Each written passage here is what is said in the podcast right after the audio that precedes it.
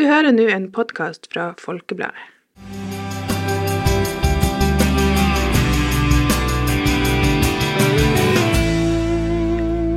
Hei, og velkommen til en spesialutgave av Folkepodden på selveste valgdagen 2023. Nyhetsredaktør Maria Holm Simonsen har hatt en prat med Jasmin Agovic Nordås, en utflytta lokalpolitiker fra tidligere Lenvik kommune og Senja. Han er spesielt opptatt av lokalvalget, og har sett seg ekstra godt inn i hvordan valg fungerer. Jeg tenker jo kanskje vi må starte med en liten sånn uh, oppsummering og, med deg, altså. Uh, for du har jo Du er jo et kjent fjes for mange, men uh, la oss fastslå hvem du er. du, hvor er det du bor nå? Nå bor jeg på en plass som heter Statelle i Bamble kommune. Ja. Langt sør i Norge. Men du har bodd mange år i, i ja, Det var jo Lenvik kommune, men så nå er Senja kommune. Ja, det var Lenvik kommune, men jeg har vært i Lenvik skråstrek Senja kommune i 30 år. Eh, eller bodd i 30 år. Ja. Eh, I 15 av de åra så var jeg jo aktiv politiker der i kommunen. Ja, og du... Og representant i perioden. Ja. ja, og du, du, var, du var i både Venstre- og Senja-lista, og også uavhengig ja, i, i, perioder være uavhengig eller frittgående, som uh, Gunnleif uh, brukte å si. Varaordfører brukte å si frittgående. ja. ja. Men nå, nå, er du ikke noe politisk uh, aktiv? Nei, jeg er ikke politisk aktiv på, på noe annet tidspunkt. Jeg hadde tilbud til å gjøre det, men etter min mening så må man jo kjenne kommunen og regionen før man kan være politisk aktiv. Og jeg kjenner ikke veldig godt den kommunen jeg bor i nå, Nei. så det har jeg pent takka nei til. Men du følger fortsatt med på det som rører seg eh, i Senja? Å oh, ja. Veldig. ja, hvordan eh, leser aviser, eller eh, hvordan, hvordan, holder du på en måte deg oppdatert? Ja, jeg har fremdeles gode kontakter med de fleste der oppe. og eh, Folk ringer meg, og vi snakker på telefon, på sosiale medier. Og jeg selvfølgelig leser jo Folkebladet, det gjør jeg eh, daglig. Så jeg vet eh, meget godt sånn både i forhold til det politiske livet og også generelt hva som foregår oppi, oppi, den, eh, oppi kommunen og regionen Midt-Troms. Ja. Og da har du selvfølgelig lest eh, meningsmålinga som vi presenterte i midten av august. Hva, hva, hva drar du ut av det den viste? Ja, altså For meg var det to overraskelser i den målinga. For det første så var det da Senja Frp eh, som gjorde det mye bedre enn jeg hadde trodd. Og Det begrunner jeg med, med, det at eh, Frp nasjonalt sett har jo uh, hatt dårlige målinger over lengre tid. Og, og Senja Frp har jo slitt med noen interne uh, utfordringer. Uh, vi vet jo i løpet av de siste par perioder, valgperioder så har de mista noen veldig profilerte politikere over til andre partier. Så jeg hadde ikke sett for meg at de skulle oppnå 17,4% tror jeg det var på valgmålinga. Det er jo 10% opp fra valget i 2019. Så det er det første overraskelsen. Den andre overraskelsen var jo selvfølgelig Industripartiet, eller Industri- og Næringspartiet. Eh, ikke i form av, når det ble kjent at de skulle stille til valg i Senja kommune, så sa jeg med en gang, eller kommenterte at de kommer nok inn. Eh, og det sa jeg med bakgrunn i de nasjonale målingene de siste årene de har fått. Eh, men at de skulle ligge på tre mandat, det var overraskende for meg. Nå må vi også huske på at jeg tror feilmarginen på den målinga Folkebladet hadde, var en plass mellom 1,9 til 4,5 mm. Så vi får nå se på valgdagen om de får oppnå ganske uh, lik uh, valgoppslutning som på den målinga. Men de har gjort en god figur, mener jeg, uh, i den valgkampen som har vært lokalt. Mm. Ja, nei, målinga viste jo en, en, en blå eh, fønvind over eh, Senja. Eh, og, mm. og, Arbeiderpartiet som gikk ned, og Senterpartiet som gikk kraftig ned. Er, hva det, er det de nasjonale trendene, regjeringsslitasje, som slår ut her? Ja, for Senterpartiet og Arbeiderpartiet er det nok regjeringsslitasje. Det er ikke noen tvil om det. Men vi kan ikke utelukke andre variabler òg det er ganske påpekt i forbindelse med regjeringsslitasje. Den er jo blitt studert opp og ned alle veier, og vi vet jo at det er et fenomen. Eh, men det vi ser ofte når det er regjeringsskifte, det er at det første året så ser vi ikke noen ting til regjeringsslitasje. Ofte er det sånn. Fordi man seiler på den gode valgoppslutninga og populariteten man hadde før valget. Og så begynner regjeringsslitasjen. Når det gjelder Senterpartiet og Arbeiderpartiet og nåværende regjering, som er også et mindretallsregjering, så ser vi at de begynte å slite fra dag én. Allerede ved forhandlinger så vi at det var eh, motstridende parter mellom Senterpartiet og SV som gjorde da SV valgte å ikke være med en del av regjering, men støtte eh, dagens regjering. Og så fikk vi da midt i fanget med en gang etterdønninga etter covid. Og så fikk de på toppen av det hele høye energipriser, eh, matprisene gikk opp. Og så ble de prega av store personlige skandaler internt der flere ministre måtte gå av etter at de har vært og trådt i salaten, for å si det på godt norsk. Så, og det ser vi enda, de, disse person, pers, personlige saker som, som blant ministre det florerer enda i media. Så de har fått ganske hard start, og det ser vi også i forhold til lokalvalget. Og så kommer jo òg denne Melkøya-saken på toppen, som kanskje har slått ut. Tror... Ja, og der, der, kan man ha en forklaring på hvorfor Frp har gjort det så bra i Senja kommune. Fordi eh, du må huske på Når det gjelder elektrifisering, elektrifiseringa av Melkøya, så er det jo først og fremst Frp som har vært den høyeste stemmen mot elektrifiseringa. Og mange tror at dette er bare noe som inkluderer Finnmark. Men hvis du ser eh, Nord-Norge i sin helhet, så er det én energiområde. Ett energiområde. Og, og det, det, betyr også at det er mange nordlendinger som følger godt nøye hva som skjer eh, i forbindelse med Melkøya. Og der tror jeg Frp har fått noen stemmer i den forbindelse. Nå er det jo Ja, meningsmålinga var i midten av august, og det har jo gått noen uker. Um, tror du og, vi har jo fått noen nyheter siden da. Blant annet så ble det sluppet um, den nyheten om at regjeringa kutta prisene på barnehager. Mm. Sånne saker, vil de ha noe effekt på valget? Det vil, jeg, det vil, det nok. Den målinga var foretatt da i august, og nå er vi jo snart uh, ved valget, da, 11.9. Det er klart at ting kan endre seg i politikken veldig fort i løpet av en måned. En måned er ganske lang tid i politikken. Så jeg vil tro at vi kommer til å få noen endringer i forhold til den målinga som Folkebladet hadde. Blant annet, jeg tror ikke det blir så store endringer i forhold til Høyre og Arbeiderpartiet, de to største partiene. Jeg tror nok de kommer til å ligge på rundt 20% for Arbeiderpartiet og rundt 25% i forhold til uh, Høyre. Eh, tradisjonelt sett så er Arbeiderpartiet i Senja og tidligere Lemvik kommune har vært det største partiet. Eh, stort sett hvert, hvert, hvert valg. Hvis vi går tilbake til 70-60-tallet, hvis vi studerer historie i valget i Lemvik kommune, så har jo Arbeiderpartiet i enkelte tilfeller hatt over 50 i oppslutning og rent flertall. Så jeg, jeg, vil nok tippe at de kommer til å ligge der. Når det gjelder andre partier er litt mer usikker. Eh, Senjalista f.eks.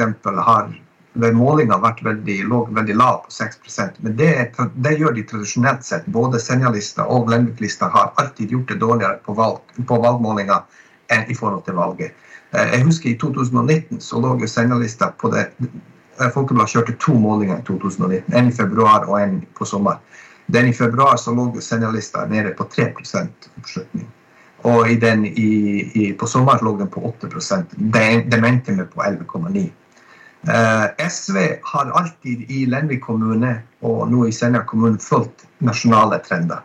Hvis du følger med på nasjonale trender tilbake, helt tilbake til 70-80-tallet, så har SV fulgt eh, nasjonale trender. Det vil si, går SV opp nasjonalt, så går de også lokalt i Lenvik og Senja kommune.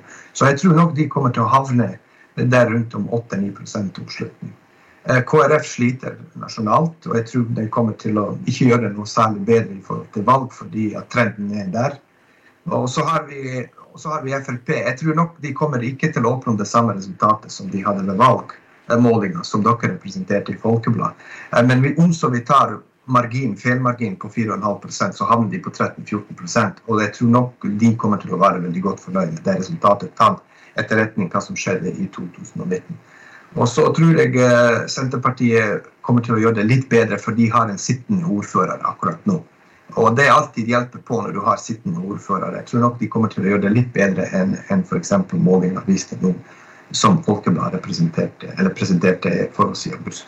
Mm. Um, nå er det jo um, uh, Vi har jo det er jo flere lister som stiller nå i Senja kommune, og det er jo noen som ligger an til å bli noen jokere her. Altså at de kan bli vippeparti. Hvem, hvem tror du det blir? Ja, altså Det er naturlig nok å tenke seg at det er de tre partiene i sentrum som kalles for blokkuavhengig, som kommer til å være på en måte vippepartier. Og Det gjelder MDG, det gjelder Næringspartiet og Senja-lista. Det er naturlig nok. Og De har jo også proklamert at de, til, de kan samarbeide med, med begge sider. Eh, så jeg tror nok det blir mye slagsmål om å få kontroll på disse, eller i hvert fall få et samarbeid med disse tre. Når det gjelder Senja-lista og Industripartiet, så tror jeg Industripartiet er litt mer usikker på, for de er nye i kommunen. Så jeg vet ikke hvordan sida den kommer til å velge. Senja-lista har tradisjonelt sett valgt eh, venstresida. De har sittet helt tilbake til Lenvik-lista i 2011, så har de sittet i opposisjon og samarbeidet eh, mer med, med venstresida enn med høyresida. Om de gjør det på nytt, det vet jeg ikke. Eh, når det gjelder MDG, har de tradisjonelt sett nasjonalt, på nasjonal basis samarbeid mer til venstre enn til høyre. Eh, det har vi også sett i form av eh, eh, nåværende periode i Senja kommune. Så har de hatt et godt samarbeid med Arbeiderpartiet og SV. Jeg forventer at de kommer til å gjøre det også ved, ved neste perioden, men man vet jo ikke. De har på agenda klimapolitikken overst. Og de vil så, selvfølgelig søke de, den blokka som kan gi den best mulige klimapolitikk.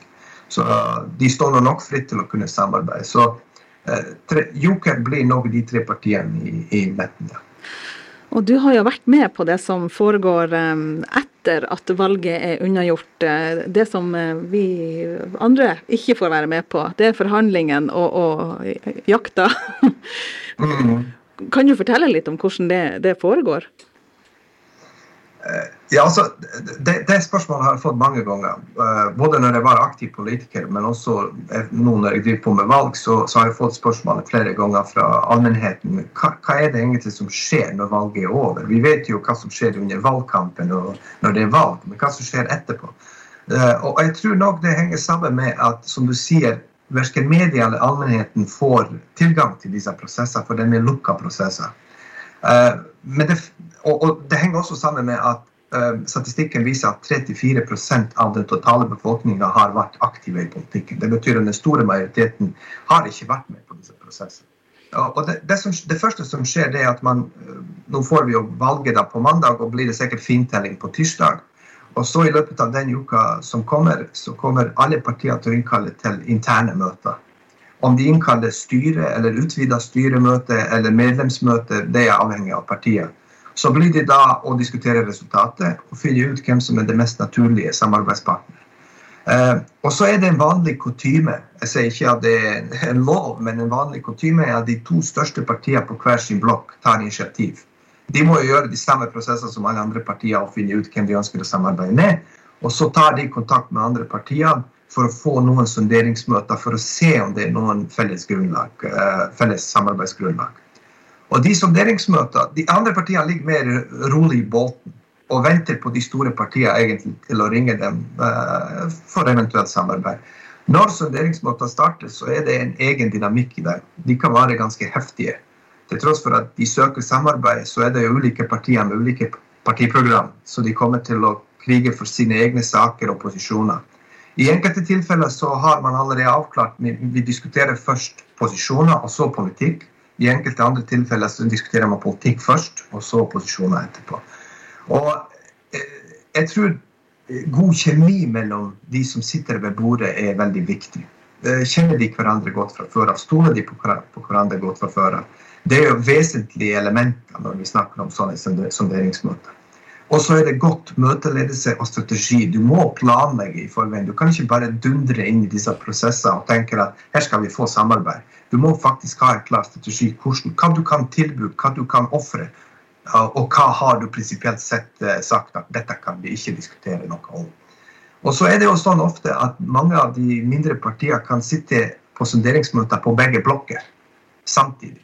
Det vil si De sitter og diskuterer med én blokk, uh, finner ut hva de kan tilby, og dagen etter går de til andre blokker og diskuterer i sonderingsmøter hva de andre kan tilby. Og så går de til den blokka der hvor de får mest. Så Det er en egen dynamikk som uh, og har, Det er et flott spørsmål du har stilt, fordi det er ikke mange som har innsyn i disse prosessene. Nå, nå, vet vi jo ikke hvordan det slår ut, eh, valget, men jeg vet ikke, har du en magefølelse på, på hvor det vil svinge i Senja? Tror du det blir altså Høyre, Frp, Senterpartiet, KrF som i dag eh, samarbeider, mm. som blir å fortsette? Ja, det er veldig godt mulig. fordi at Hvis vi tar målingene til etterretning eller i betraktning, så ser vi jo at den sida der trenger bare ett mandat. Eh, Og i tillegg til det så er det ligger an til at Høyre blir det største partiet i kommunen. Det er jo ikke alltid gitt at det største partiet i kommunen får ordførere og danner flertallskonstellasjon. Eh, det har vi sett i de siste tre perioder. Arbeiderpartiet har vært desidert største parti de siste tre perioder, både i Lenvik og Senja kommune. Likevel ikke klart å få ordfører og sittet i opposisjon i alle tre perioder. Men, men, i dette tilfellet tror jeg nok at uh, det, det, er en liten fordel, fordel til de borgerlige, men de mangler bare ett mandat. Ifølge de målingene så hadde de 15 mandat og mangler bare ett mandat. Eh, og der er det jo Folkebladet truffet ganske godt. Steinum har også snakka om det og sagt at det blir nok eh, ordførerskifte. Og det har jo nåværende ordfører Tom Rune Sivertsen bekreftet også. At det er naturlig å tenke seg at det blir da ordførerskifte. Arbeiderpartiet har en jobb foran seg hvis de ønsker da en ordfører eh, i den neste perioden. Eh, det er ikke umulig, det er fremdeles sjanser for det, men da tror jeg de må ha en god nok strategi når, når valget er over, hvordan de skal få det til. Ja, og, og da tenker jeg kanskje vi um, er der vi skal være. ja, absolutt. det. Takk for at du uh, hørte på denne ekstrautgaven av uh, Folkepodden på valgdagen 2023. Maria Holm Simonsen hadde seg en eh, valgprat med valg, lokal valgekspert Jasmin Agovic Nordås. Vi kan egentlig bare si eh, godt valg.